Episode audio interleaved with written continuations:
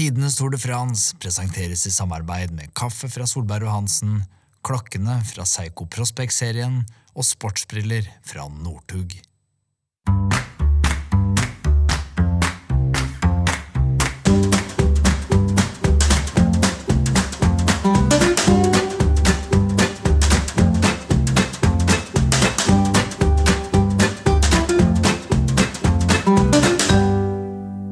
Velkommen skal du være til tidenes Tour de France. Som alltid så er det meg, da, vet du, Hanso. Og jeg har med meg deg, min faste følgesvenn i sykkelkrigen, Jarle Fredagsvik. Fred, fredagsviken. Fredagsviken, selvfølgelig.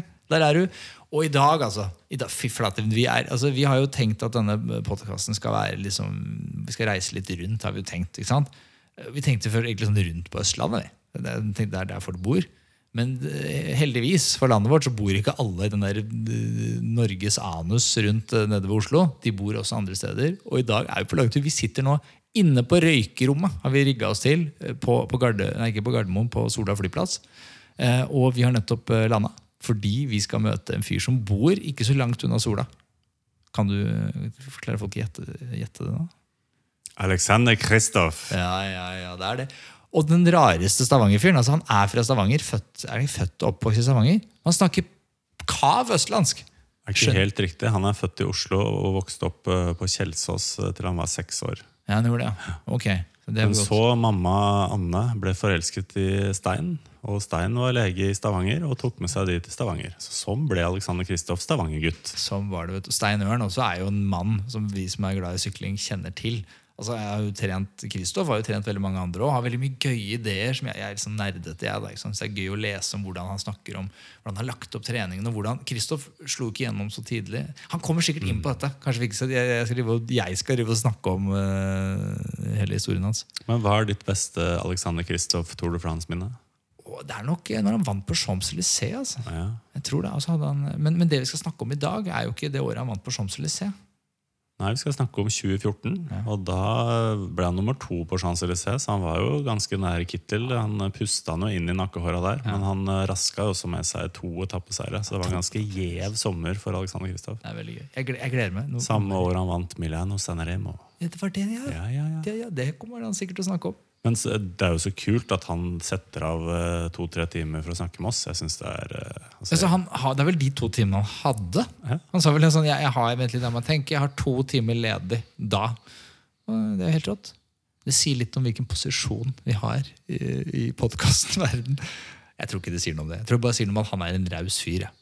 Men jeg har med noen sånne sommerkoteletter i tilfelle han fyrer opp grillen og vi liksom blir der litt utover ja, Ta med oss noen pils. Ja, ja. Ja, vi gjør det. Skjærgårdsbrygg. Stikker innom det på et eller annet butikk. Og så. må vi ha med en pose kaffe, tenkte jeg. Ja, men det har vi jo med. Vi har jo dratt det med oss fra Oslo. vi. Ja, ja. I, i- dag har vi med den der El Placer. Det er jo kaffe fra Colombia. Den er, den er en av mine favoritter. Jeg tenkte at Vi må gi Kristoff det vi liker best selv, tenker jeg. Så det er den han får. Solberg Hansen, eller? Det, selvfølgelig er det Solberg Hansen. Hva tror du? Det, det First, vi first class. Første klasse. Ok, Vi skal snakke Tour de France 2014 med Alexander Kristoff. Kjør på, da. Ja, da sitter vi her eh, på, i Stavanger. Vi har tatt turen altså, over fjellet. dammen. Over dammen. Over fjellet. Eh, Over, og, og får få komme på hjemme til selveste Alexander Kristoff. Hallo, hallo. Hallo, dette er stas, altså! Ja, kjekt å få besøk. Ja. Når jeg ser rundt meg, jeg, jeg kjørte inn her, så, så tenkte jeg at eh, man burde ha sykla mer når man var ung. For det hadde åpenbart lønt seg. For det er, altså, du, Bilparken din spiser jo min bil. Til, ikke frokost, til som pre-frokost. spiser den. Du mener det? Det er vel den uh, Hummeren som kanskje spiser den, men den er ikke, den er ikke så, så kostbar, selv om den ser litt bling ut. Ja, for den har du fått av en eller annen russisk oligark med Ja, katusjer. jeg kunne, kunne nesten trodd det, men eh, jeg har alltid hatt en uh, drøm om å ha en Hummer, helt siden jeg så 50 Cent kjørte rundt i det en gang i tida. Åpenbart, ditt, ditt åpenbart idol litt når du vokste opp. Du skulle bli som 50 Cent. Stemmer det, så ja, det var vel eh, ja, to år siden jeg kjøpte den da. så har fiksa den litt på den og styla den litt opp, så for en kar fra Skedsmokorset så hadde den glidd rett inn, tipper jeg. Ja, det, ja, ja. det er, altså, jeg hadde vært den kuleste Kan jeg låne den? Jeg skal, på, jeg skal tilbake til Skedsmokorset. Jeg, jeg, jeg, jeg tror jeg hadde blitt, blitt ordfører. Ja. Bare, bare gi, han, gi han nøkkelen til byen. Bare få, få det på han. Han kan ta over. Han har Ja, kanskje, kanskje. Ja, Det men er litt morsomt, Alex, for du kjørte jo den bilen her til NM et år. Ja, hva kosta det? jeg bruker sånn to og en halv eh, liter på mila, så det var jo ikke gratis. men, eh, men det er ikke så ille det er som litt gøy folk om skal man har det. Litt gøy om man har det altså. Nei, men, men Velkommen til podkasten, Alex. Eh, podkasten vår er jo da tidenes Tour de France. Eh, vi er, er jo på en reise vi i sommer hvor vi skal liksom ta for oss alle de, de, de største utgavene av Tour de France da, i vår bok. Også med de menneskene som var der. Eh, og i dag så har vi jo kommet til deg, og en, en, da skal vi snakke om Tour de France i 2014.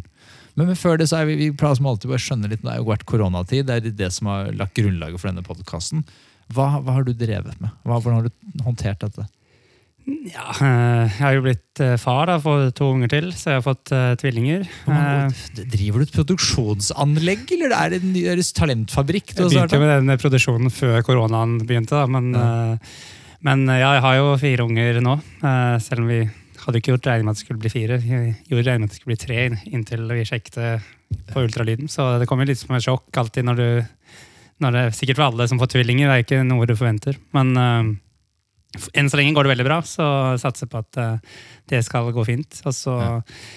har jeg egentlig trent veldig bra. uh, under hele koronatiden, egentlig. For i starten trente jo liksom For da var jo bare ett og ett løp kansellert, så da ok, men Robert går fortsatt, liksom, så vi trente Ja. liksom mot det. Og så, så til slutt så skjønte jo at dette her, ingenting går jo nå. Så da ble det bare å legge alt om til vintertrening egentlig, og styrke og, og sånn. Så resetter egentlig sesongen litt, og da ja, Nå begynner vi å bygge opp igjen mot at det nærmer seg sesong igjen. Hvor- Hvordan, eh, sånn som Vi har snakka om det med mange av de andre vi har møtt om, men dette med eh, Italia og Frankrike og sånn har jo vært enda strengere. Er det en fordel nordmenn som har kunnet trene ute og slippe å bare sitte inne på rulle? Ja, jeg vil tro det er litt fordel sånn sett. Hadde sesongen starta nå smack, så hadde det jo vært en stor fordel, men nå får jo de trent godt i to måneder ute før det begynner opp igjen, på en måte, så Ja.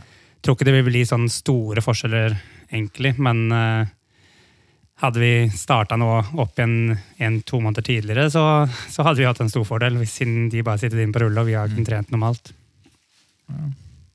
Nei, det er bra. Nei, men det er veldig, det er veldig, veldig bra. Skal vi rett og slett bare reise tilbake i tid? Har du noen spørsmål jeg burde ha stilt om sesongen? Nei, jeg har lyst til å spørre Alex om noe. Er det riktig at du har kalt opp den ene sønnen din etter Luca Paulini? Han heter i hvert fall Luca, så syns det navnet var fint. Vet ikke om det var nødvendigvis bare pga. at uh, Luca Paulini kanskje var min beste hjelper til riktig gjennom tidene. Men eh, kanskje en liten gest, han. Han er vel en partyløve òg, altså Luca Palini? Ryktet sier det. Ja, Ryktene sier det. Jeg har jo ikke vært på fest med han så mange ganger, men eh, ja, han uh, røyk ut av Tour de France pga. party, tydeligvis, en gang. Ja, det er det man, Og du sa jo i stad vi, vi snakka om hva slags musikk du hører på når du, når du trener. Og det er jo hardere musikk enn jeg tror selv Luca Palini hører på. Så kanskje han, Eller eventuelt han du har blitt inspirert av. Til, hva er det du kalte det? Hard Hardstyle, ja. Det er det det går i når jeg skal trene. Ellers så, ellers så går det for seint, rett og slett. Ja, ja, ja. Nei, men dette er, dette er veldig bra. Dette er jo dette her vi skal ligge. Denne podkasten skal være en slags skal være, eh, Vi skal ligge som et sted mellom Se og Hør og rittradioen i Tour de France. Og der ligger vi, føler jeg. Vi er hjemme hos, vi snakker om hardstyle, men nå så skal vi reise tilbake til 2014. Setter oss inn i vår fiktive tidsmaskin. Eh, Det er jo ikke så lenge siden 2014. Det, jo, det, jo, det føles som det var som i går. liksom. Eh, Men det er, blitt, det er faktisk blitt en stund siden. Eh, Britene regjerer jo mye eh, sykkelsporten da, som de de har mista litt uh, den de klamme hånda de har på sykkelsporten. De har ikke den på samme måte nå. Uh, og, og vi skal inn i Tour de France. Vi pleier alltid å starte med å liksom, uh, se litt på favorittene. Hvem er som sammenlagtfavorittene going in? Uh, og Jarle, hvem er det vi har eh, i 2014? Eh, Det er jo vanskelig å komme unna Chris Froome. da. Eh, Han hadde jo den der batteren med, med Wiggins i 2012, og i 2013 så var det han det skulle kjøre for, og han vant. Ganske overlegent. Eh, Så det var jo han som, eh, som sto på toppen der, men han vakla litt under eh, Dauphiné i oppkjøringa. Han velta og landa på siden og skada håndledd og litt skulder og sånne ting. Så noen spørsmålstegn rundt han. Men så var det selvfølgelig også mm, Contador. Contador, ja. Og det var vel hans de, fordi, Det er jo de to store, sånn i utgangspunktet. Riktig. Men, men på, den, på den tiden så var nei, Jeg forstått som at i Dauphiné det året så drev de og Sykla du Dauphiné det året der, Alex? Det husker jeg ikke. det har jeg ikke. Jeg har ikke gjort research på det. burde jeg sikkert ha gjort. Jeg ikke, Jeg føler ikke Jeg føler jeg kjører Sveits? Som Ja. regel har jeg kjørt Sveits, men jeg har kjørt Dolphiné to ganger. tror jeg. Hva liker du best av de to? Jeg liker best Sveits, egentlig. Med, Med vinnermuligheter der? litt mer, og så føler jeg det går litt seinere. Men det går jo fort nok for meg uansett tilbake. det, Men Ja. eh, da slipper jeg å dette så tidlig, føler jeg. Som jeg må i Dolphiné. Dette jo av i første kneik, og så er det bare bong. gass. Ja, jeg bare finne en gruppetto, finne hvor er Mark Cavendish, hvor er han? Og så legge seg der. Altså, det, jeg vet ikke, alle folk, jeg føler nesten det går fortere i Dauphiné enn det gjør i Tour de France i, i de kuperte etappene. Så folk skal liksom vise seg frem og bli tatt opp på laget, og så Ja. er de over toppformen når de begynner i Tour de France. Er det et greie? At de, og at de, for, at for å komme for det, det å sykle Tour de France er jo stas bare få lov å delta der. Eh, Ja, Det er litt sånn i noen lag, tror jeg, og det har vært litt sånn hos oss også. Du tar ut halve laget, og så er det liksom halve laget for de som er i form. Men er du i form i Dauphiné, så er det ikke nødvendigvis form to uker etterpå. Så, så det er ikke nødvendigvis den beste taktikken. Jeg følte det var nesten litt bedre i Katusha. Der ble det liksom satt opp eh, Hele laget, alle lagene var liksom satt opp, og det ble sånn om du var dårlig eller bra, så kjørte du det eller du skulle kjøre, og da følte jeg det fungerte ganske bra. Mens for så vidt så er det litt sånn i UAE òg, men vi har kanskje noen spots åpne for eh, å rokere på. Men i hvert fall det, det året så ble det definert som sånn to løp. At eh, Chris Froome og Contador bare følger på hverandre. Og så lot de Talansky og masse sånn skvip gå av gårde. Og så endte det opp med at de, ingen av de kom, Contador klarte vel å knekke Froome litt på slutten av en etappen og kom til seg topp ti. Mens Froome var jo ikke topp ti engang. Nei, og det var en kjempeskrell da, med Talensky som vinner av eh, Kriterium du Dauphiné. Eh, Jeg tror I Sveits rundt så var det Rui Costa som vant. Han vant jo hadde- hvert år, gjorde han ikke det? på Ja, han vant tiden? eh, to år på rappen. Eh, og så kjørte jo ikke Quintana eh, Tour de France, så der var det jo Du liker jo den der Movistar-taktikken, men da var jo Alejandro Valverde som de skulle kjøre for. Og han, eh, altså, han er jo hard as nails. Han leverer alltid gode resultater, han, så han har alltid en å følge med på. Han vinner aldri sammenlagt i Tour de France. Alle er ikke i nærheten av å vinne, men han er alltid i nærheten av topp fem. Nei, men Han er jo ikke bra nok i de der lange fjellene. Det er du enig i, Alex? Så er han feig! Han er jo jeg faktisk jeg husker når jeg, Før jeg begynte sykling, så var jo, kunne han spurt òg. Det var jo det eneste sammenlagtrytter som plutselig vant en sammenlagt spurt. Så, så det var, blir jo litt som at jeg skulle plutselig begynne å kjempe i sammendraget. Ja. Altså Valverde misforstår meg rett, han er jo dritgod. Kjempe, altså Jeg syns han er en av de kuleste rytterne. Fordi, nettopp fordi at han hevder seg jo i klassikerne. Ja, pl- plutselig han sykla bra i Flandern i fjor. Husker du det? Plutselig så er han oppe i brostein, den der spinkle spanjolen der. Men han har ikke så hva driver og gjør du altså, her framme? Du skal jo Ardenner-klassikerne. Ja, det er litt sånn Nibali òg, plutselig gjør Ja. bra i sånne typer løp. Og det, de er gode sykkelryttere som er bra teknisk på sykkelen og kan mestre klassiker på den måten. Så, og de har jo kapasiteten, det er det ikke tvil om. Så det jeg føler ofte de, an, si, de beste klatrerne de har jo kapasiteten, det er ikke alltid de har helt teknikken og orker å fighte den fighten, mens Valverde, Nibali, de gutta der, de er gode på den delen av sykling òg. Ja. Og, og bare til siste på Valverde, han var jo faktisk også For det var hans uh, akilleshæl, i hvert fall tidlig i karrieren, har vært tempo. Han har jo vært baskisk på tempo. Men det året her så var han jo spansk tempomester i året. Så kanskje han kunne hevde seg. Eh, og så nevner du Nibali. Eh, han skal vi jo åpenbart komme til på mange grunner. Men eh, han kommer liksom inn i toren litt under radaren, gjorde han ikke det? Gjør det? Jeg vet ikke, altså Han er jo en klasserytter, som du var, var innom i stad. Men uh, Han vant jo Giro d'Italia i 2013, men han kjørte jo ikke Tour de France hvert år. Men når han liksom sier at i år så er det Tour de France som gjelder, da bør du følge med litt. For altså, det han tar, og når han begynner å flekke tenner, da er det alvor. Men han, hadde, som han pleier vanligvis å hevde seg litt i disse Ardenne-klassikerne. Også Milan Sanremo og sånn, så har han vært framme og vist flekka tenner. Men i, i 2014 så var, det liksom, var han litt sånn anonym i de, de uh, enuksrittene sånn som var, var tidlig. Han var nummer 14 i Flash Wallon, og så var han nummer 5 i Romandie. Så det var ikke noe, det var ikke noe som gnistra i oppkjøringa. Helt riktig.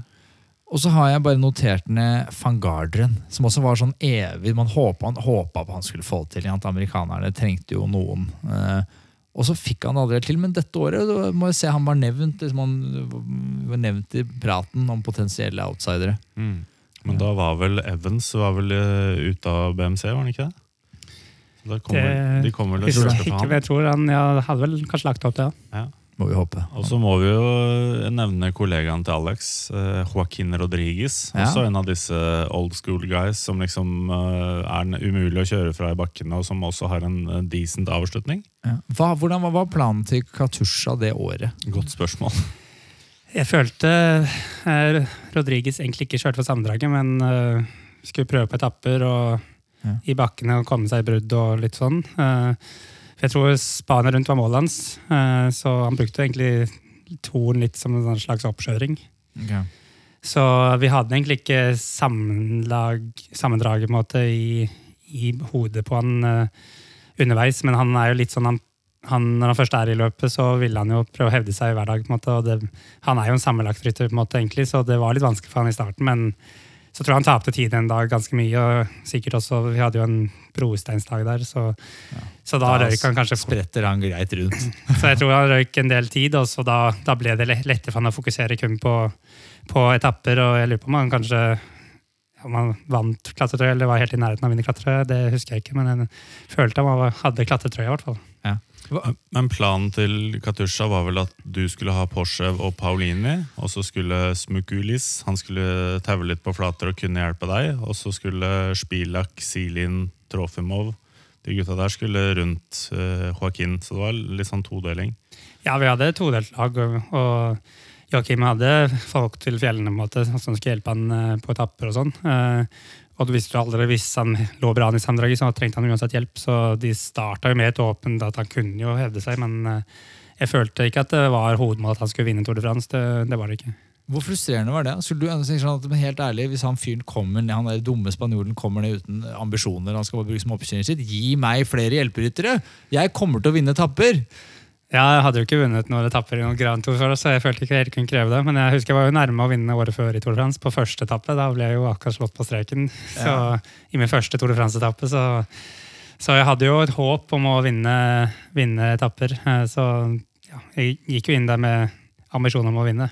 Ja, men også, bare Vi kan jo hoppe rett til det. da. Den sesongen her var jo på en måte virkelig sesongen hvor Alexander Kristoff satt satte eh, sitt preg på eh, sykkelsporten.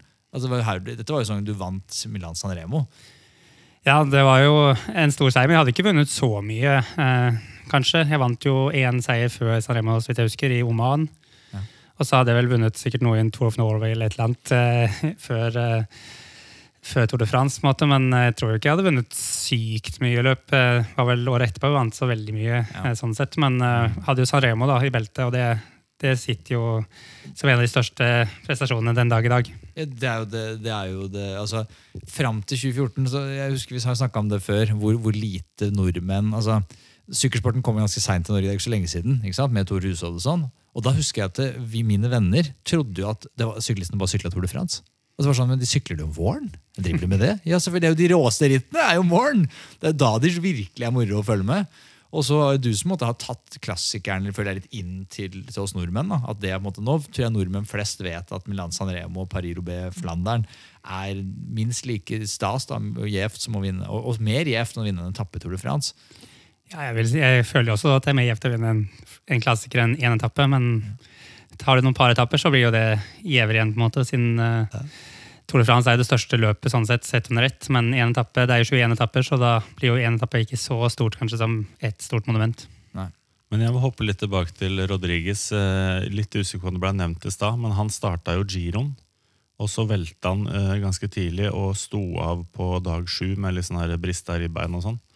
Så han kommer litt sånn inn, altså Det var sikkert usikkert hva dere skulle gjøre med GC i Tour de France. Og han skulle jo egentlig kjøre Giron, så plutselig kom han inn fra sida og liksom breier seg inn på Tour de France-laget. da. Stemmer det, at han kom inn fra sida. Jeg husker, eh, Han skulle egentlig ikke i Tour de France, tror jeg, i det hele tatt. Ja. Men eh, han skulle vel kjøre Giron og Vueltaen, og det var målene. Eh, Så jeg tror fortsatt Vueltaen var målet, og så ble Tour de France mer sånn oppkjøring, eh, komme tilbake i form og løp eh, for hans del.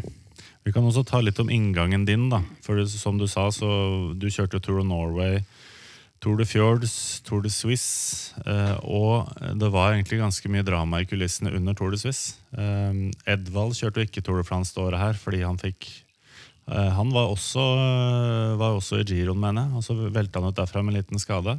Og så pådro han seg akillestrøbbel når han prøvde å trene seg i, i form via Rote Sud. Og du hadde også problemer med din akilles i Tour de Suisse. Og der står faktisk Tour de France og, og, og bikker litt, hvis ikke man tar de rette grepene med en gang. Og der har jo dere vært så flinke, da. Selvfølgelig hjulpet av din uh, trener og, og stefar Stein Ørn. Jeg sleit litt med akillesen av og til, og jeg kjører ofte med Klitsa veldig langt fremme. Så det er ganske høy belastning på akillesen. Så jeg har ikke hatt eh, problemer de siste årene, men uh, husker de årene der, og også fra junior av og tidligere, så har jeg hatt problemer med akillesen. Så, så da har jo alltid vært uh, å bare ta, flytte klitsen fra helt framskuddsposisjon til helt bakskuddsposisjon, men da får du jo oss Hva er det for noe klits for oss fotfolk?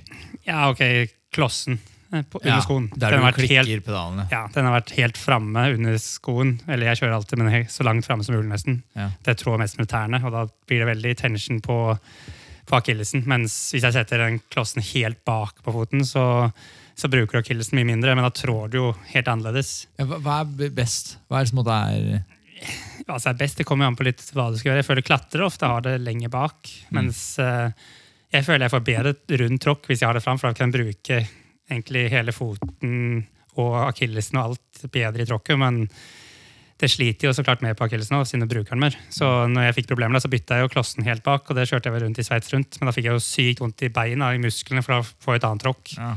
Så jeg følte meg ikke bra i det hele tatt. Nei. De er ganske skjøre, sånn hvis du begynner å flikke litt på hvordan de sitter og sånn på sykkelen, så går det veldig gærent. Da får de vondt i nakken og ryggvirvel. Jeg, og- jeg hadde sykt vondt i lårmusklene. Jeg hadde så syra i låra i, i Sveits rundt, jeg kjørte med, med klossene helt bak på foten. Og jeg bare følte jeg trådde sånn rett opp og ned, og ikke noe rundt. i det.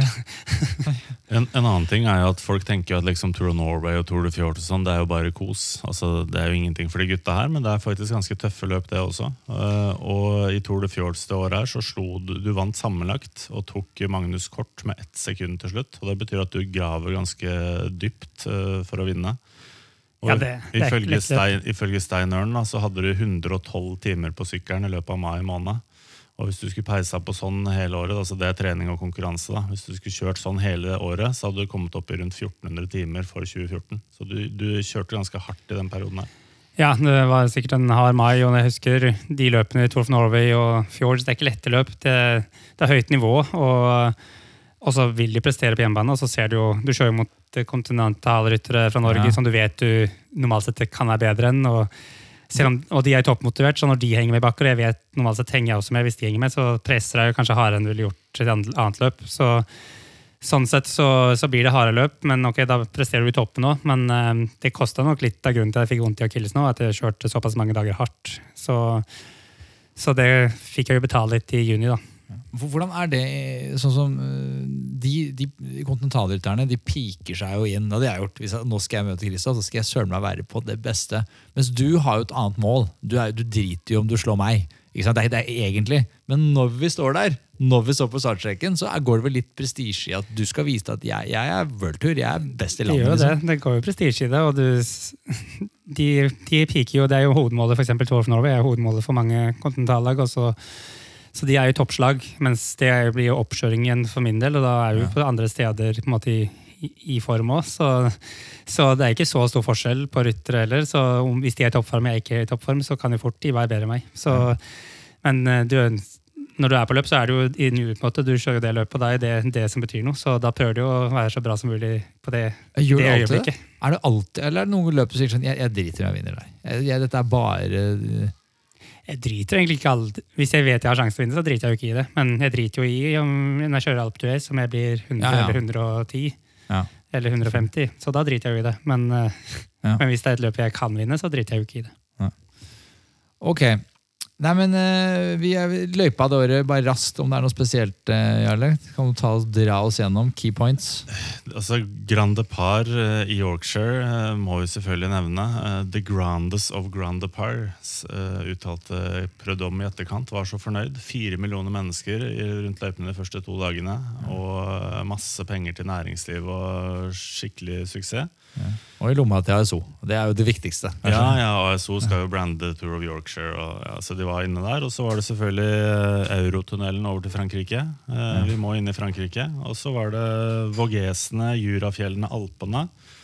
Og så var det jo Pyreneene og Otakam på etappe 18, Ja, er hvor mange ventet at det her skulle avgjøres. Eh, Så var det en tempo på nest siste dag. Også... Men lite tempo. Også mye fjell det året der. Lite tempo. Ja, Er det for men det, veldig er det mye trøkk i starten. da altså, Den første åpningsuka pleier å være hektisk for dere spurtegutta. Ja, jeg husker også åpningen i Yorkshire. Det var sykt mye folk. Så det var, det var spesielt. Det var eh, ekstremt mye, og det var nesten litt vanskelig å sykle i perioder. Ja. Uh, ja, jeg følte ikke jeg fikk det helt til der i starten. Jeg husker jeg presterte ganske bra i en, en av harde dagene. Jeg hang ganske lenge med og datt rett av jeg tror Nibali vant. Og jeg datt av ikke lenge før mål med Cancellara, faktisk. Så, så da merka jeg allerede den dagen at formen ikke var dårlig. Men eh, ja, det ble litt for hardt at jeg akkurat ikke hang med. Men, ja. men igjen, jeg fikk det jo ikke helt til i første spurtene. Første dag var det jo velt med Cavendish og Men Vi kommer til det her. Du foregriper. Men, Men det er, eh, det er fint da, at han kjører en innledning, men det er jo naturlig at vi starter der. For Ja, jeg tenker det norske toren det bare- har vi alltid noe innom, men det var bare Alex som sykla det året. Ja, ok. Eh, Syns du det var, eh, var greit? Eh, Trist? Ingen å prate med? Ja, jeg tenkte ikke så mye på det, men det blir jo litt mer media på meg, da. Så jeg merker jo, altså I fjor var jo veldig mange torn, og da blir det jo mer fordelt utover mange. Husker du Jarle var der i 2014? da? Plaga mange? Jeg husker at Jarle pleier å være der hvert år, altså. Ja. jeg har ikke, kan ikke huske spesielt 2014 sånn sett, men uh, jo, jeg kan være, for det var mye mas med når jeg vant etappene. Jeg begynte å prestere der i starten rimelig, så da var det jo da var det mye-. Ja, nå må dere snart vinne, liksom. Så, men det var ikke bare han, det var jo hele Media-Norge. Ja. Heldigvis. Du fikk jo din revansj.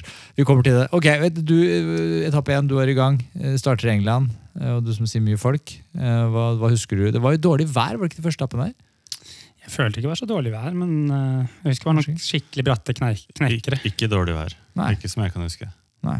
Jeg husker Men- det var jo I Harrogate så var det jo festival. altså Det var rockekonserter. Det var tre parker som var fulle med folk. Der var det i hvert fall strålende solskinn. Jeg kan ha vært litt dårlig vær i inngangen til Tour de France på treningsdagene før, men mm. på første etappe var det sol, tror jeg. Og ja, det var vel samme målgang som var i VM i år, men ikke, ikke den der svingende Eller VM i fjor blir det jo. Men ikke de svingene før, men det var samme bakke opp til mål. Så, men vi kom inn med større fart enn vi gjorde i VM. da. Ja.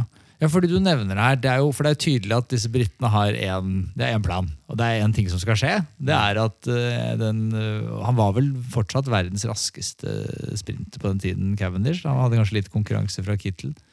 Ja, Kittel begynte å komme som kanskje Begynte å gå forbi, kanskje, men det var jo de to og Greipel eh, som liksom var navnet å slå. Ja. Det er bare nysgjerrig, du som har vært i feltet med dem. Cavendish på det råeste og Kittel på det råeste. Hvem er den raskeste? Altså, det er sånn- det er bare sånn pur akselerasjon. Den raskeste sprinteren du har møtt. Jeg, føler, når jeg ser de, Det var kanskje rett før jeg begynte ble proff, eller så ser jo Cavendish sykt rask ut forhold til de andre. Når han pika og vant sine første Tour de France-etapper, og sånn, så, så var jo Cavendish helt eh, på eget nivå. Mens eh, når Kittel begynte å komme, så kjempa jo de to om med hverandre. og Da begynte jo Kittel å slå han mer og mer. Men jeg følte Kittel var kanskje mer sånn rå power, mens Cavendish var mer, kom ut av vindskyggen og bare skøyt fart. på en måte. Ja, med sånn kule. Hvis du kunne lånt utseendet til en person i en uke, hadde du valgt Mark Cavendish eller Meister Kittel? Kittel, kanskje. Cavendish er litt mer tønnete i fasongen enn Kittel er, hvis, hvis, altså, hvis det er lov å si det. Jeg tror, eh, ja, Kittel har jo litt bra hår og ja, Ja. Ja, men du, du er jo ikke helt ulik Kittel hvis man skal liksom sånn rent estetisk. Han ligner vel mer på Cavendish. Jeg vet ikke. Det er en fin blanding.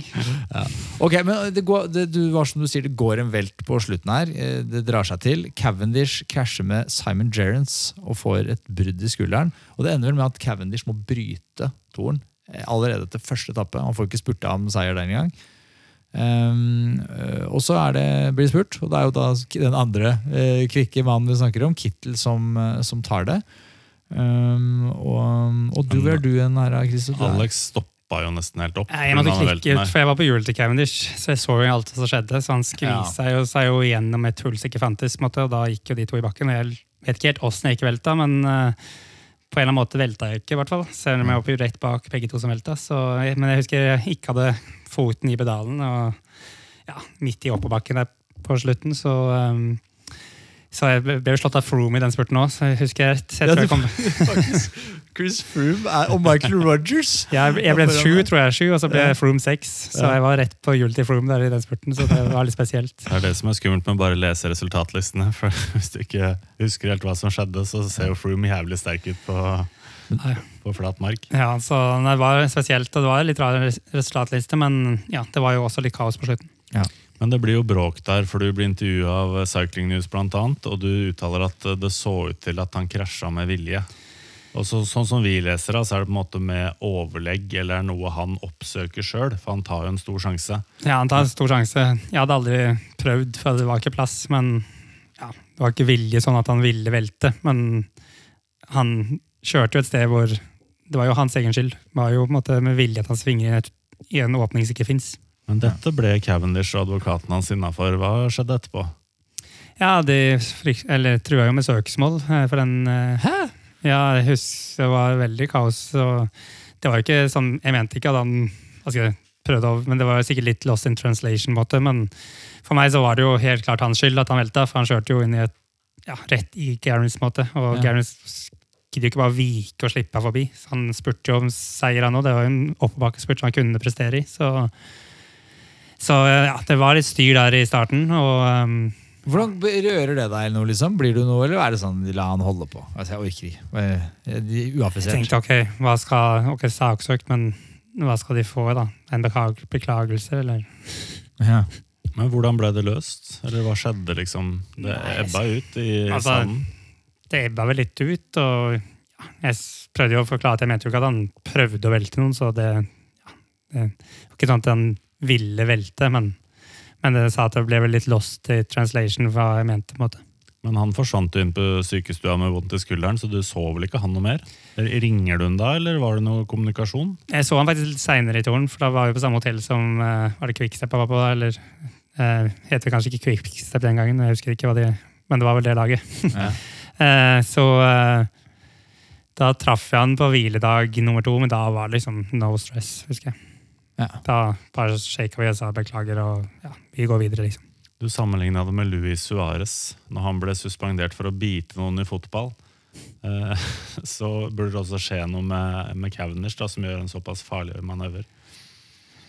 Ja, jeg synes jo det var unødvendig der og da, men du er jo litt sånn oppheta rett etter mål òg. Og jeg var jo sykt heldig som ikke velta, og så var jeg jo irritert for Jeg lå egentlig i veldig bra posisjon. Hvis han ikke hadde velta rett foran meg, så hadde jeg jo vært i sikkert topp tre. Så, så da blir du jo irritert der og da. Så om, eh, ja, om det var med overlegg, det tror jeg ikke at han gjorde, men eh, han håpa vel på det meste og så jo at det var eneste sjanse på at han kunne vinne. At han gikk gjennom den luka som egentlig ikke var stor nok. Mm. Så så håpte vel at han skulle få mer plass enn det han fikk. da. Ja, du, vi snakka ikke om det før, men Hadde du ambisjoner om grønne trøya, eller var det sånn at den kan Sagaen, han bare tar den? Gi, gi den til Sagaen på forhånd? Jeg prøvde vel i starten på litt poeng, og sånn, men jeg skjønte vel rimelig kjapt at det ikke var så mye håp. Men igjen, jeg var jo nærme å vinne igjen pga. Sagaen uh, krasja ut uh, i- for to år siden. Ja. Så, så du må jo ha det i bakhodet. Det kan jo skje mye i løpet av tre uker. Være i posisjon, da. Ja. Jeg er, jeg er glad i klokker. Det veit du, Jarle. Det har du skjønt. Det skal være, det skal være, det skal være skikkelig. Eh, Seigo lager jo skikkelige klokker, og Seigo er med på dette laget. På dette, dette podkastlaget. Eh, og sammen med Psycho så har vi en konkurranse, vi. For de som er så game og rause og gå inn og rate podkasten vår. Eh, det syns jeg er veldig gøy. Vi, det er jo en form for å kjøpe folk, dette her. Det det er jo det. Men, men det funker. Det ser til å funke. Folk rater i vei, eh, og det syns vi setter pris på. Så hvis du har lyst til å vinne en eh, Psycho Prospects alpinist til en verdi av nesten 9000 kroner, eh, så er det bare å rate podkasten, og så gå inn på Instagram eller Facebook, sende en melding og si 'hallo, jeg har rata podden', eh, og, og gi, oss info om hvor vi kan få tak i det. Er det mange som gjør det? Får du masse av de meldingene, eller glemmer Jeg- folk det? De kommer inn, Nei, de gjør det. vet du. Det er veldig, det, er veldig, og det viktigste er jo Vi, vi, vi flåser litt med at det, det er viktig at folk hører på, og at de syns det å komme med tilbakemelding. Mm. Det syns jeg er kjempegøy. Og hvis man ikke har Apple og får rata det der, så rate oss et annet sted, eller bare fortell hva du syns. Det setter veldig pris på. Og da er man uansett med i trekningen. Alle skal eh, få være med. Det er, det er litt sånn vi holder på. Det er realt. Det er realt, det. Vi er reale folk, vet du. Ja, vi får høre tilbake med Alex. Vi hopper tilbake. Ok, Vi hopper til etappe to. Vi er fortsatt i England. Etappen går fra York til Sheffield. Um, og så har jeg bare notert her at Sasha Modolo bryter pga. sykdom. Bryr vi oss om det? Er ingen som brydde seg. Det var Sasha Modlo. Hva husker man fra Sasha Modlo? Sikkert første og siste gang vi snakker om han. Han har jo gjort noen gode resultater, det er jeg ikke tvil om, men eh, han er jo ikke en topp eh, han som du frykta mest. er det ikke. Nei, ingen som frykta han. Men det går i brudd her med en av mine favorittfolk i sykkelfeltet gjennom tidene. Thomas Føkler. Han går i brudd. Eh, Men inn mot finalen så bestemmer da Frumo Contador seg for at de skal teste favorittene litt. Her er det jo eh, litt sånn kicker på slutten. De setter fart, og det blir en tetgruppe med 21 ryttere bare i finalen. Da antar jeg du ikke er blant de 21, Alex? Jeg tror ikke jeg hang med de, nei. Det var kanskje den dagen jeg mente jeg hang med ganske lenge, men Eh. datt av siste bakke. Ja, fordi to kilometer fra mål så angriper Nibali. Eh, og så klarer han å holde unna hele veien til mål og vinner jo veldig imponerende. Og viser jo allerede her at han, eh, han er på G, denne toren her. Um, og så ser man resten av resultatlista er jo andre Ardenner-rytter og, og sånn. Men Nibali tar jo da en gul trøye. Vinner med to sekunder på Greg van Avmat. Og så er det Mikael Kwiatkowski, som var ganske framme på den tiden der. Um, Petter Sagan. Ah, Petter Sagan, altså, han er alltid der. Petter, hvor rask er Petter Sagan, da? Han er rask, men han er visst ikke toppspurter. Men han er så syk. Han har veldig bra jump, så han er rask i kanskje en halv spurt. måte. Altså, han Ja. kom jo akkurat forbi. så Det, det er sånn jeg tapte VM òg. Han kom forbi meg, men så ser du han fader ut. Men eh, han timer det perfekt. Må ikke snakke om det. Jeg, jeg, jeg, jeg blir sint av det dumme. det så nei, han er jo litt sånn min nemesis. Han har liksom tatt meg sikkert dobbelt så mange ganger som jeg har tatt han eh, når vi har kjempa mann mot mann. Så, så han er jo rask, og så kan han så mye annet òg. Så det liksom Ja. Han kunne jo bare vært spurt, på en måte, men han gjør jo alt annet i tillegg. Så da, da blir han for min del, eller hvis jeg skal tenke på sykkelrytter, så er han jo verdens beste. Ja, så er han god på triksing. God på å sykle bakhjula. Ja, det er han også Er god på. bedre enn deg på det òg. Ja, Det kan jeg ikke engang. Jeg sykler så mange timer i løpet av et dag eller et år, men jeg klarer ikke noe triks. Nei, nei, ikke ennå, ikke ennå, å si. Det er ikke for seint. Men, Ok. men det her var jo litt sånn Ardenner-klassikeretappe. Der er noe som Lars Petter Norhaug hadde elska. Jeg syns det er litt rart når altså, vi, vi kjørte jo altså, den første dagen i Torn når man skal lage VM i Yorkshire. Jeg synes Det er rart at de ikke lagde en sånn type løype. Og tenkte at eh, her kan jo Adam Yates og de gutta vise seg fram. Eller syns det er litt rart at de, de havna på litt sånn der klassiker eh, flatere modell når de skulle tilbake og arrangere VM. Er det så rart? Med tanke på at eh, Mark Cavendish og Hva skulle han gjort der, da? Ja, jeg vet ikke. Men eh, ja, De kunne jo sikkert lagd det hardere, men jeg vet ikke om det var så mange harde bakker så nærme mål. på en måte, Hvis du skulle lage en løype, rundløype. Men det her var jo ikke noe for deg. Du skjønte jo at Selv om du følte deg grei, så skjønte du at du kom ikke til å Men også, du vet jo heller ikke, da. Når Nei, når vi, når vi kjørte den eh, dagen, så hadde vi tro på at jeg skulle kunne klare å henge med. Okay. For vi hadde kjørt Recon, faktisk, eh, den etappen. Og bakkene var ikke så lange. Det var kortere enn Ardennebakker, men det var opp og ned hele veien, og små veier i Yorkshire, så, så det ble hardere enn vi trodde. Så som jeg sa, så tror jeg datt av i siste bakken sånn fem kilometer fra mål med, med Cancellara. Så vi hang med faktisk inntil siste kneik, men så kom jeg så akkurat ikke opp igjen. Så, Mm. så det var ikke så nærme, langt unna å være med de 20. faktisk. Jeg tipper Hvis jeg hadde hatt litt mer ned på lista, så hadde det sikkert vært sånn 30 rundt der. mm. Men dagen etterpå, da er det tapt for deg. Vi må bare si en liten ting til. Okay. Altså, det er ikke sånn at når Nibali kommer inn her og vinner med to sekunder, bare der, der er han. Han der kommer til å dominere Tour de France i år. Det var ingen som tenkte på det. Nei, for Nibali er jo en sånn type rytter som klarer å finne litt sånn morsomme og spesielle måter å vinne på. Det er jo sånn han vant Sanremo seinere. Mm. Mm. Kom med et seint støt, og så klarer ikke å tette det. Og det var jo litt sånn den, det løpet der òg, at han gikk på et seint støt på flatene inn mot mål, og så så de andre litt på hverandre, og så tenkte de ikke han er så farlig, og så fikk han de to sekundene og noen bonussekunder og, ja, Mm. og var i posisjon. God, god start. Ok, vær God start, ja. Ja. Nei, Etappe tre eh, går fra Cambridge-London. Veldig kort. Her er det tydelig at her skal vi bare avslutte i, i England med stil. Og målgang foran Buckingham Palace. Husker du dette? Ja, der regna det faktisk på avslutningen, i hvert fall. Kanskje Eh, det jeg husker, ja. Jeg husker egentlig laget gjorde en grei jobb, men vi kom litt tidlig frem. Eh, Det var kanskje greit, for det var vått og sleipt. eh, Men igjen hadde lite hjelp siste kilometeren og ja, kom litt bakpå ut på oppløpet. Og ja, det Kittel vant igjen, eh, husker jeg ikke feil, og ble vel rundt fem, tipper jeg. ja. Du ble fem, det er riktig det. Du husker, husker godt. Du har litt bedre hukommelse enn Edvald. For han var jo helt Han var jo, hadde jo ingen hadde knapt vært i Tour de Frankrike. Ja, eh, jeg husker faktisk eh, en del fra den toren her. For ja, det var min andre tour, og det var da jeg hadde mye gode resultater, så det har boret seg litt i minnet. Ja, ja. Dette er altså tredje andreplassen på rad for Peter Sagan. Han, han sanker poeng. En klokke. Han er jo alltid toppen, men han vinner jo ikke så ofte de her massespurtene. Men eh, han er alltid på riktig hjul. Da blir det ofte to, tre, fire, så han får jo alltid masse poeng, og du ser det til slutt. Han vinner jo vel med 200 poeng, sikkert. Men husker du forrige gang du var ved Buckingham Palace og det dreide seg om jobb? Altså Jeg kjenner jo ikke til alle dine ferieturer, men eh, Eh, gangen før jeg ble fem der, så var det vel OL. ja! Ja, var ikke du, Da var var ikke du det en premietelling i samme område. Og Ja. da tok du OL-bronse. Det var skrell. Ja, det var det. Så jeg hadde gode minner fra det oppløpet der. Da, det. Og vi kom jo egentlig inn på samme retning, bare fra motsatt side på en måte inn på oppløpet. Så, så eh, siste 500-meteren var sikkert det samme. Men eh, ja, de, innkjøringen var ikke helt det samme. Det var det ikke. Nei, så var vel feltet litt, det var litt mer eh, rustent felt i OL. Eh, Ja, det var jo mindre gruppe og mer færre spurtere. Og litt lavere fart eh, inn mot spurten siden folk var mer slitne. Så det var ikke helt det samme. Eh, Det var nok, jeg var litt skuffa, tror jeg. Syns jeg husker når jeg ble fem der, for jeg hadde tro på at jeg skulle klare å gjøre det bedre. Men eh, nå skal vi videre til Frankrike. Hvordan kom dere dere videre over til Frankrike? Vi tok fly. eh, Ja. Oi, standsmessig. Jeg skulle ta toget. ja. Eurostar eller Eurostar-toget. Og på morgenen der, eh, på vei til, eh, fly, nei, til togstasjonen, får jeg beskjed om at uh, di, din bestilling er kansellert. Så jeg bare ok, så her stansa min Tour de France, tenkte jeg. Da, Kom aldri inn i Frankrike. Det og da gleder jeg meg til å kjøre det stilige toget der under kanalen og og hei. Og så bare Ja, hvordan kom du av i svømte, du? du? Ja. Sprek, du. Nei, jeg blei jo ombooka, og det var litt sånn eh, Det blir stress og mas, da. For Ja. du skal rekke målgangen til de gutta her. De sykler jo helvetes fort, og de skal jo mål litt seinere på dagen. Og kom til togstasjonen i Lill og klarte ikke å finne leiebilkontoret, og så da er pumpa i gang. ikke sant? Så det var en veldig dårlig start, men eh, ja. Det, det, det er det jeg husker fra, fra veien videre inn til Frankrike der. Ja, fordi man dagen etterpå, etappe fire inn i, i Frankrike, også en flat etappe. Eh, Anders Slekk hopper av turen. Hvorfor hopper han av turen her? Har ikke jeg researcha det hele tatt. Han, han var vel litt past his prime allerede. Altså Tidlig, altså Man hadde jo regna med at han skulle holde lenger, men han ble jo liksom borte vekk. Han.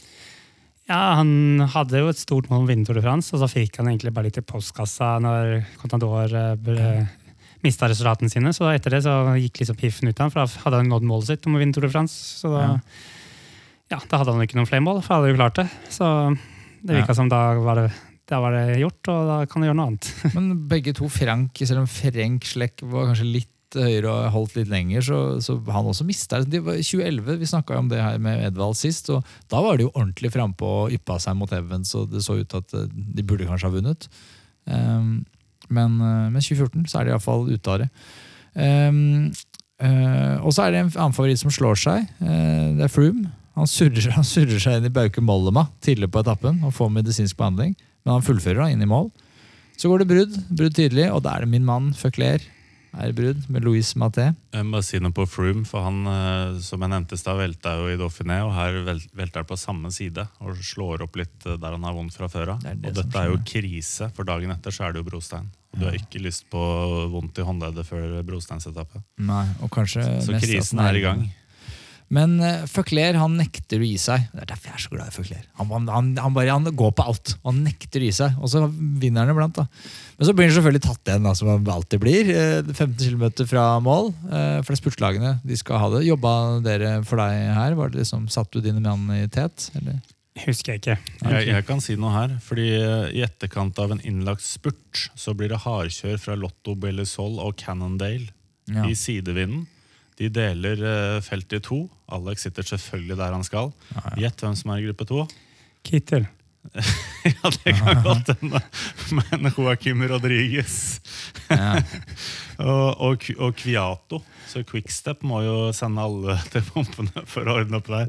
Helt sikkert Kittel av det. Ja. Det er ikke feil, det. Men er det sånn eh, også, Det er jo alltid noen som lager kjør, og du syns jo det er gøy med sidevindskjøring. Altså, du er jo god på det der. Men tenker man innimellom sånn Fy faen, gutta, kom igjen, da. Skulle vi ikke ha det rolig i dag heller?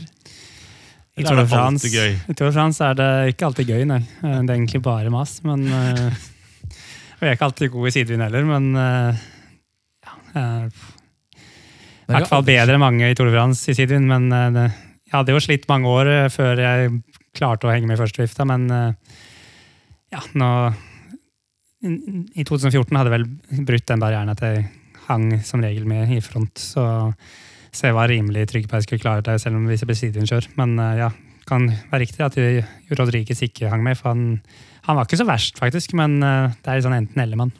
Ja. Og så må bare si en ting til. Litt over to mil igjen, så går det en velt. Og der uh, går uh, opptrekkstoget til Greipel i bakken.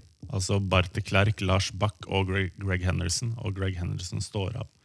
Så den er litt tung for Greipel uh, lik fem mål. Ja. Men så blir det massespurt, som vi sa, og der er det Kittel altså, som viser at han er den raskeste i årets tour eh, på flater.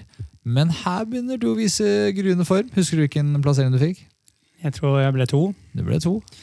Jeg tror jeg fikk eh, leda på oppløpet helt til, helt til slutten. For jeg eh, hadde Porsev så starta et sinnssykt spurt på 500 meter. Og så gikk jeg etter med en lagkameraten min og fikk så vidt hjulet. Så tror jeg vi, vi to fikk litt luke. på en måte, Så når jeg gikk til med 200 meter igjen, så hadde jeg litt luke på dressen. Men så kom Kittel og noen svære giv helt på slutten og klarte akkurat å hive seg forbi. Så det var veldig nærme seier, faktisk. Veldig nærme.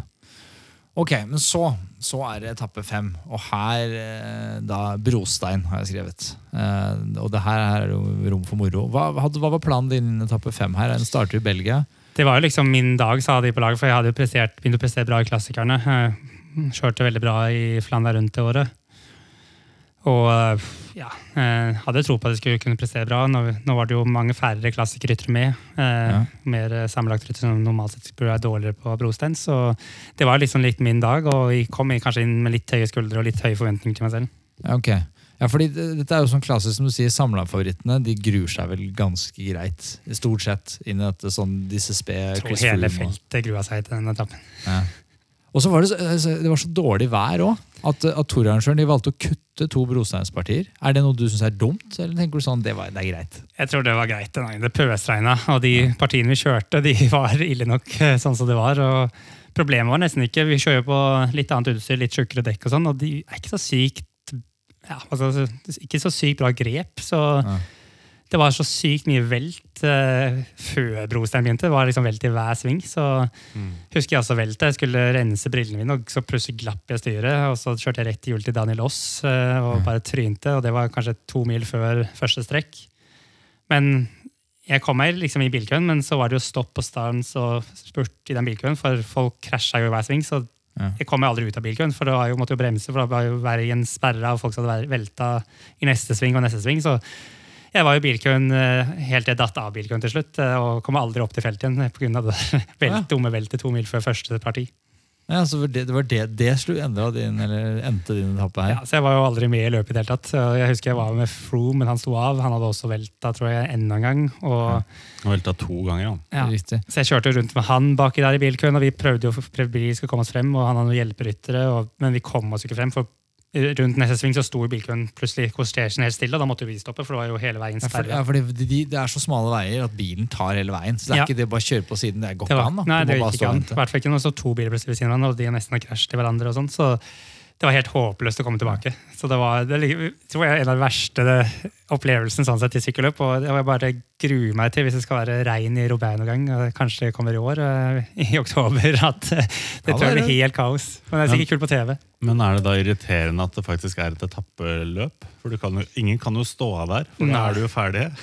Ja, det ble jo fort eh, etter hvert. Jeg ga jo bare opp til slutt når jeg ikke så at de kom jo ikke tilbake. Så, så da kjørte gruppettoen, og det var jo greit nok, det. Det var jo safe, på en måte. men jeg merket det var jo sleipt, så jeg var jo nesten litt glad at jeg ikke kjempa om eh, seier. på en måte. Ja, i hvert fall ikke sammenlagt. For det, det Skal, er vi, som du skal vi sier. ta litt om gangen i etappen, eller? Gjør det. Ja. Nei, det, det går et brudd med ganske sterke karer. Tony Martin, Galopin, Burghardt, Taramé, Clark, Heyman, Acevedo, eh, Dumoulin, og så er vel også Løyve Vestra der framme. Og så er det noen av disse sammenlagtgutta som, eh, som også har en veldig god dag. da. Nibali, Fuglsang, van den Broch, Kviato, van Marke, Lars Bohm og Talanski. Og de her samler seg i en gruppe på rundt 16 mann eh, på slutten. Tre-fire mil igjen. Og så er jo Boom og van Marke er lagkamerater, og de sitter veldig godt i det. Men så punkterer van Marke, så han er ute. Og så eh, er det et angrep eh, fra Boom. Han drar med seg tre astana rytter han da. Så han sitter, sitter her sammen med Nibali, Fuglsang og Vestra fra bruddet. Ja. Eh, Så Astana spiller jo det her eh, perfekt igjen og blir jo nok en eh, fantastisk etappe for Nibali. Og nå begynner han å dunke tid på konkurrentene sine. Ja. Og Froome stempler ut. Men det er jo faktisk da Lars Bohm som vinner etappen. Han går jo på, til på slutten og holder faktisk helt til mål. Men det er kanskje ikke så rart, for det er tydelig at det Astana driver med her, det er å sette eh, sekunder i sekken på de andre sammenlagtrytterne. Så de sykler jo for Nibali. Mm. Men Nibali og Fuglesang kommer som nummer to og tre, eh, 19 sekunder bare bak. Og de setter av nesten to minutter på Valverde, van Garden og Talanski, og over to og et halvt minutt på Contador.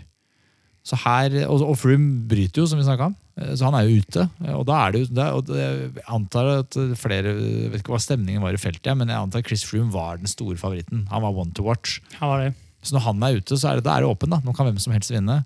Og med Contador langt bak. Så Nibali tar grep om trøya. Det er imponerende. Det, det jeg så på Jeg har merka meg et par tider til. Ja. dette er opp til boom. da. Eh, Alexander Kristoff 18 minutter og 3 sekunder bak.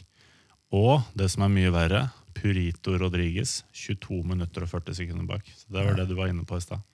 Og han, hvis han skulle ha hengt med sammendraget, da er det krise. For deg har det jo ikke noe å si, selv om du var hypp på å vinne. Jeg var jo veldig skuffa at det gikk så dårlig, men ja, vi skjønte jo at eh, Purito ikke skulle i sammendrag lenger, i hvert fall, så da var jo det litt sånn Ok, da jobber han for etapper eller klatretrøyl, et, et eller annet, på en måte. En annen ting jeg tenker på når jeg så etappen her, at uh, nummer fire og fem på etappen er Sagaen og kanskje Lara. Men dette burde jo være mat for de. Altså et, et litt sånn som du sier, et, et Tour de France-felt med masse sped og forsiktige ryttere, og ikke så mange av de Iallfall ikke toppa form klassikerrytterne. Dette burde de bare forsynt seg. Burde vært matpakke. Men allikevel så blir de tapere for Jakob Fuglsang. altså kommer jo foran de. Men nå er jo Jakob Fuglesang eh, også ganske god teknisk. Eh, kommer Ja. fra terrengsykling eh, en gang, kanskje, det tror jeg. Han har ikke så mange topp fem-plasseringer i, i, i, Flandern og Det Roubaix ikke, men det var jo spesielt å kjøre på regn der. Det var, veldig, det var annerledes enn å kjøre vanlig Roubaix. Det ble, ble et annet løp. Og ja, som jeg har sagt tidligere, så er jo også Nibali veldig god teknisk, så de dro nok nytte av det. på en måte. Eh, Ikke at Cancellara Sagaen er dårlig teknisk, Sagaen er jo kanskje en av de beste, eller best i verden, men, eh, men eh, ja, det var kanskje noe taktikk. Jeg vet ikke, jeg har ikke sett løpet, så jeg vet ikke helt hva som skjedde. men... eh, Det spørs jo også på laget rundt. da. Astana sitter jo nesten fulltallet der. Det, Ja. det gjør jo også at det blir vanskeligere for Sagaen eller kanskje Lara, da. selv om de er rå på Rostein. Absolutt. På Brostein, sorry. Absolutt. Eh, men her blir det jo store endringer i sammendraget. Så nå leder altså Vincenzo Nibali på to sekunder, med to sekunder på fullsang. Sagan er på tredjeplass, Kwiatkowski, og så er det ganske mye sammenlagtryttere som er, har klart å henge med. Richard Port er jo Team Skys nye mann, er jo bare to minutter bak. Talanski to minutter bak. Valverde rundt to minutter bak. Ok, etappe seks. Flat og grei etappe. Um, store forhåndsfavoritten for etappen er jo da Marcel Kittel. Men han får tekniske problemer to kilometer fra mål. Hva tenker du da? Da er det på radioen, på radioen til Katusha må det være nå. Nå er muligheten. Det husker jeg ikke, faktisk. Jeg har et innlegg der, fordi han blir faktisk kjørt av i sidevinden. Det er det som skjer, ja. Yes.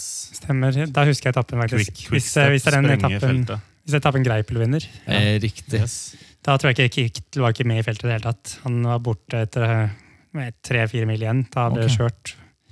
Så visste egentlig, tro, jeg visste egentlig at det var Greipel som måtte slås. eh, Og jeg tror egentlig jeg fikk litt samme opptrekk som uh, Aporsev Porsev eh, som når jeg ble to sist. Uh, Litt tidlig, kanskje. eh, Men ikke like sterkt, så vi stopper kanskje litt opp, og så kommer Greipel bakfra. og så rekker jeg ikke å tette luka, egentlig. Eller tette er kanskje akkurat luka før han går i mål, så han timer det perfekt, mens jeg kommer litt på bakleksa, for jeg start, eller var litt for langt foran, og så kom han bakfra fra i fart, og så, ja, så ble jeg litt for langt bak. Så, så jeg ble vel to igjen, om jeg ikke husker feil. Det ble to igjen. Det er helt riktig.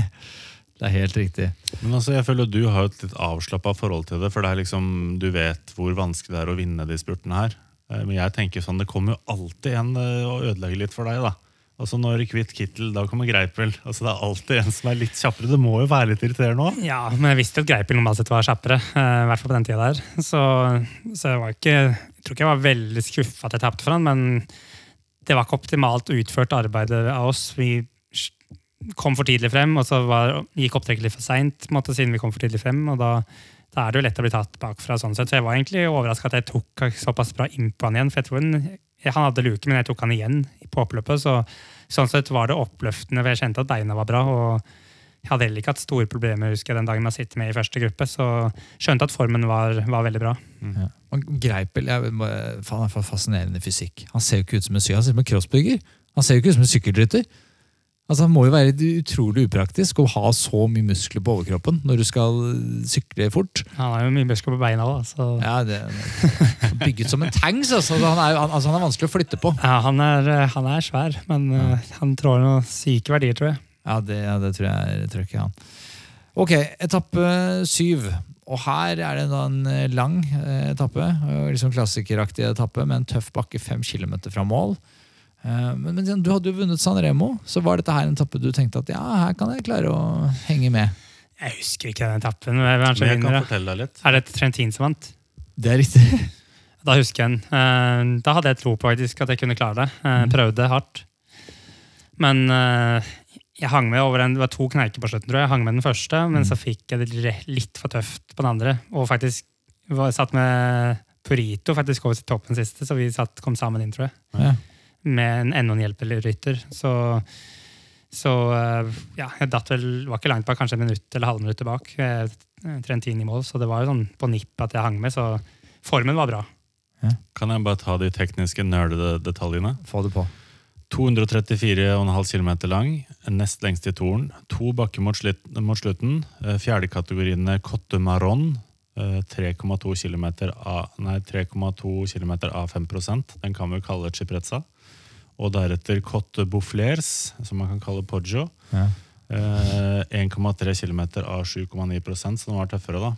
Og på toppen der så var det 5,5 km til mål. Så Det er litt sånn eh, San Remo-bilde. Ja, veldig likt, egentlig. Ja, det var det. Eh, Og det her snakka du om i etterkant òg, eller forkant, at det her var jo ikke ulikt eh, San Remo, så du hadde litt, eh, hadde litt forventninger. Men nei, litt, litt utafor din rekkevidde. Men en annen, et annet moment her er at du hadde mye magetrøbbel. Jeg hadde magetrøbbel, men jeg husker ikke om det hadde slått til ennå, eller om det fortsatt gikk greit. For det kom i hvert fall før første hviledag. Så jeg lurer på om jeg fortsatt følte meg grei på den etappen der, for jeg kan ikke huske at jeg var veldig Så det ble problem. bare litt tøft. Ja, jeg tror det bare var litt fart, egentlig, at jeg datt av. Ja. Eh, Men at det, ja, det gikk, for, gikk rett og slett litt for fort den siste bakken. Og så blir det jo en eh, spurt i avgrensa felt. Eh, Trentin og Sagaen head to head. Eh, ingen av de jubler. Nei. Målfoto. Jeg tror faktisk Trentin gratulerte Saga litt etterpå. Som han pleide å gjøre på den tiden. Det er bare sånn, jeg, jeg antar han vant. Han er jo alltid Nei, men han blir alltid foran. to. Ja, i Tour de France blir det ofte to. Man har tendens til å liksom være der når det gjelder. Men det er Trentin, da, som han burde jo visst bedre. Det er jo Tour de France, så da blir jo Sagaen to, han. Kristoff 28, 14 sekunder bak. TJ van Garderen krasjer med 16 km igjen, taper minuttet. Talanski velter på oppløpet. Ja, og Talenski prøver seg på et eller annet på slutten der, og får det, snurrer det helt til. Ja. Nei, men ehm, sånn er det. Etappe åtte. Nok en sånn mellomhard etappe, men, men her er det da ganske hissig bakketoppfinish på slutten. Så da antar jeg at du tenkte at her kan kanskje var Purito. Snakka dere om det, eller før etappe åtte? Spør du godt. Ja. Jeg husker ikke den etappen. Det er kort etappe med en bratt sånn tredjekategori til slutt med 10% stigning. Det bør jo passe han på papiret. Eh, går i brudd med bl.a. Sylvain Chavanel. Eh, hva husker du av han? Chavanel husker jeg. Ja. Men Han sykla jo evig. han han sykla, Sykla la jo akkurat opp. Ja. så er Bil Kadri er også bruddet. Eh, bruddet har en solid ledelse inn i siste bakke. Eh, og så er det Bil Kadri som angriper. Eh, ingen i bruddet klarer å, å følge han. Eh, og bak, da, i hovedfeltet, så har Saxo, altså Tinkoff Saxo har onde hensikter, så de kjører eh, på både for å presse Nibali, men også kanskje etappeseier for Contador. Det kan se sånn ut. Mm. men så er det Bil Kadri som holder helt inn og tar etappen, og klatretrøye. Så det er jo, er jo imponerende. Hva, hva husker du av Bill Kadri? Jeg husker ingenting. Jeg bare husker navnet så vidt. Jeg, at jeg, Ag- Agetuer, kanskje? Var Mm? Jeg husker ikke veldig mye, men jeg husker kanskje det regna òg, tror jeg, kanskje, på den etappen. Så Første og siste gang vi kommer til å snakke om Bill Kadri, tror jeg. Så her er det muligheten. jeg husker eh, Jeg kan, kan huske at han kom rundt i klatretrøya og når vi sykla ned til hotellet, for jeg tror vi bodde på samme hotell. Ja, og det, og det er alt du, alle minner du har ever av Bill Kadri. Ja, jeg tror det. Hva gjør han nå i dag? Vi vet ikke. Aner ikke. Kanskje han sykler ennå. Ingen anelse. Og ingen bryr seg, og det må være synd på Bill Kader. Men Sånn er det bare. Men det begynner å bli litt sånn two horse race, muligens. Altså Contador Saxo ypper seg litt. Uh, har egentlig Nibali på defensiven, men han klarer å kvikne til litt på slutten. Det er jo ikke noe sånn voldsomme utslag. Nei. Han tar tre sekunder på Nibali, eh, men det viser jo hva skjer hvis bakkene blir lenger. Det er den, den vi liksom begynner å se. da. Ka- Contador er kanskje bedre til å klatre. Kanskje ikke Nibali har dette her i sin hule hånd, selv om han har en solid ledelse. Um, og så er Andrew Talansky der, han melder seg vel her offisielt ut av sammendraget. Sier nå er jeg ferdig, takk for meg, ikke, les meg lenger. For han går i da nok en dum velt og ligger da over fire og et tilbake uh, på sammenlagtlistene. Er det her han velter med Gerrans på oppløpet? Eh, litt usikker på hvem han velte med, men Jerrans var involvert i det meste av velt Ja. eh, i den utgaven her. Men altså fra 2014-utgaven så husker veldig mange tårene til Terensky. Og, men altså, han var han, øh, Også sammenlagtryttere som skal spurte på oppløpet, da. Er ikke det jævlig irriterende? Jo, eller det er litt irriterende. Men det er jo for å ta, ikke tape seg sekund, men når du kommer inn i spurten og så kjemper du med Froome for eksempel, om hjul til Cavendish, så er jo det litt irriterende. Men han var sur på Gerrans. liksom, Hvorfor klipper du forhjulet mitt liksom, for en femte- eller sjetteplass? Han var litt sånn nedlatende mot Gerrans. Hva, Mm. hva skulle han der, liksom? Jo, kunne jo faktisk hevda seg litt. Han var jo I sånn mindre gruppe var jo Gerrans litt god til å Ja, Hadde jo en kick i han. Ja. Ja. Så sammendraget nå er det altså relativt uendra. Vincenzo Nibali, Fuglsang taper tid, så han ligger lenger bak. Det er jo ikke så viktig, for de sykler jo for Astana, eh, de to Astana-gutta. Mm. Port oppe på tredjeplass. eh, Valverde er jo framme der. eh, Contador tar jo litt tid. Så er det etappe ni. Da, da igjen en sånn mellomhard etappe, sånn, men det er veldig klassisk brudd. Vi, er, Eh, vi er fortsatt i Vågesene. eh, en til. Vi er i Vågesene. Dette må du utdype. Det er hva skal vi kalle det, en liten fjell, fjellkjede eh, på vei mot Alpene. Aldri hørt om engang. Nei, okay. Nei, men det, er, det, er, det er- er derfor profilen er litt utenfor din rekkevidde. Da. Så Det er ikke de etappene her du har satsa på. Men det går altså fra Gerard Mer til Mulhouse, eh, 170 km lang. Eh, Tony Martin og Alessandro De Marchi angriper tidlig, og så former de sånn ganske Det er jo solid tomannsbrudd. De, de to gutta var fantastiske i det Tour de France-utgaven her, faktisk. Yes. Jeg husker den etappen her, for jeg tror jeg fikk magetrøbbel denne dagen. Ja, det kan stemme. Det kan stemme. Men det etablerer seg da et sterkt brudd som, som angriper de to som er i tet. Da. Men det er blant annet Pierre Ola og Tony Galopin sitter. Um, og så etter hvert, det bruddet tar jo innpå tar innpå. Um, eller det tar tid på hovedfeltet, og så begynner det å tegne seg at Galopin han kan jo plutselig få den gule trøya, og det er jo stas i Frankrike. Um, men, men det er liksom ikke noe giv i det, der, det jagende bruddet bak de to i tet, så ingen som tar helt ansvar. Uh, men i stedet så angriper Tony Martin ganske imponerende. eh, fra tet opp siste stigning. Jeg, jeg, bare, jeg så det på YouTube. Det han bare kjører av det market. Han, bare er, han bare er en hest som bare setter inn hestekreftene sine og bare pumper. Og så faller uh, det market av. Og så kjører han individuelt tempo inn til mål. Og da er han umulig å slå. Han bare kjører fra alle. alt. Alle. Ingen som kan henge på. Nei, men altså, Du nevnte jo et brudd her. Det er en svær gruppe, 28 mann, tror jeg. Ja. Og i den gruppa sitter jo Simon Spilak og Joaquim Rodriguez. Og begge de blir kjørt av mot slutten. Yes. Og her er han jo på klatrepoengoppdrag. Altså, jeg, her skjønner jeg faktisk ikke hva som har skjedd. Altså, Hvorfor skal ikke Spilak og Purito klare å henge på? Hadde han magetrøbbel, han òg, eller? Ja, Spilak var ikke rå. Han var romkameraten min, så kan det være han med problemer, han òg. Faktisk. Husker han spydde seinere i turen. Men eh, eh, ja, jeg husker den etappen at, eh, at eh, Tony Martin bare knuste alle, og ingen hadde sjans, så han kjørte solo. Og bruddet òg var jo svært brudd, og de tok jo ikke inn på tid. Så, så det var jo merkelig, men eh, han er jo en maskin. Så Så Martin, ja. Og på den tiden her så var han jo bare snakkes. Jeg, bare, Ja. jeg, jeg vil sykle alene. da. Bare deilig å slippe å sykle lommefeltet. Jeg husker jeg hang med ganske lenge, helt til bare magen min slo seg helt vrang. Og da var det så vidt jeg kom meg til mål. Så, så jeg hadde veldig vondt og var usikker på om jeg kom til å kunne fullføre eh, torn, For det var så vidt jeg klarte å sykle eh, de siste fem mila. Ja. Jeg har en liten eh, fun fact her. Ja. Eh, Det er et bilde av Luca Paulini fra denne etappen her. Med kokain i Nei, han han sitter og skriver tekstmelding fra sykkelen. I eh, 60 km i timen er noe som er skrevet, jeg vet ikke om det stemmer, men han fikk da, altså de sendte ut henvisning til regelverket om at bruk av telefonen på sykkelen er ikke lov. Men er- så er det mange som gjør det, eller var Luca litt spesiell her? Eller? Nei, det var vel at han glemte at han hadde mobilen i lomma. Så starta han løpet, og så sendte han melding til Torsten Schmidt i bilen. Kan du komme og hente mobilen min? Var det bare det? Var det bare det? Og det er liksom en ting som Mye gøyere hvis det var at han drev og var, kjørte helt galma og satt og tindra. eller sånn. For han var i en jævlig ålreit region Ja, ja, i. Frankrike der det var kjent for mye Ja, jeg tror han bare Oh shit, han bare hadde mobilen i lomma, liksom. Og akkurat da tar det bildet er Ja, ja. Ja, ja. Litt uflaks der. Men jeg, jeg, Du nevnte at du bodde på rommet Simon Spilak. Det, og det er bare mine fordommer mot russere. Men altså, hvordan er det å bo med Men han er ikke russer.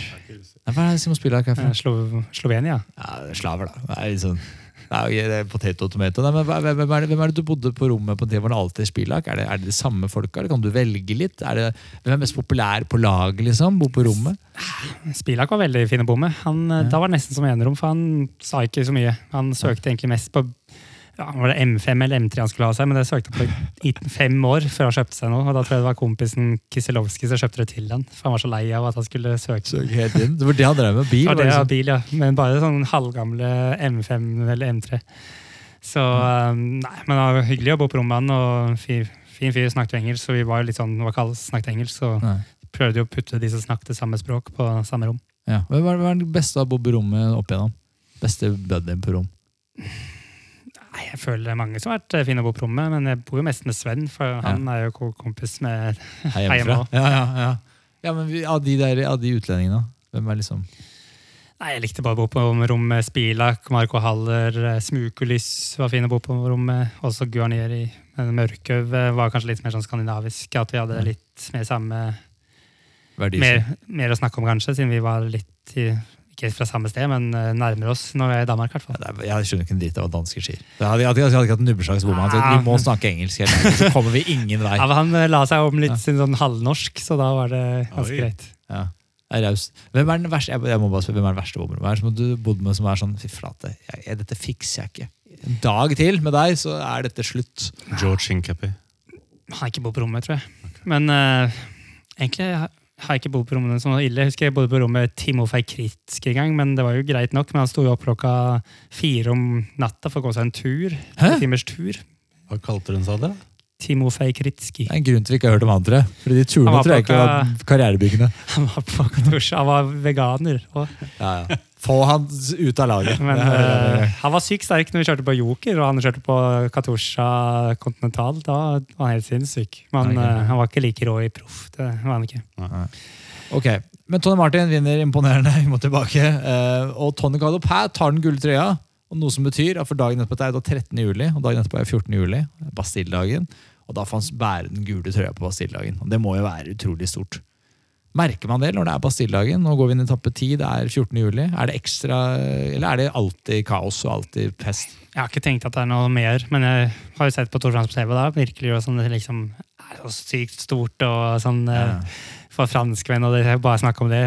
Men jeg har ikke merka at det er noe spesielt i forhold til de andre dagene. Og så kjører de de dumme våpnene sine gjennom Paris.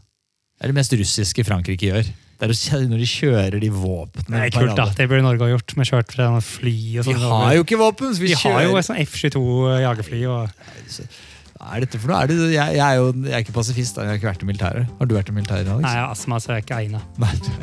Han kjører jo Hummer, så han liker jo tanks. Ja, det det sier seg sjøl. Altså, så mener vi skulle hatt en sånn dum For våpenparade å i vise hva vi har å by, by på. For å skremme hvem? Det er jo ingen som er skremt av Norge. Jo, jo, jo.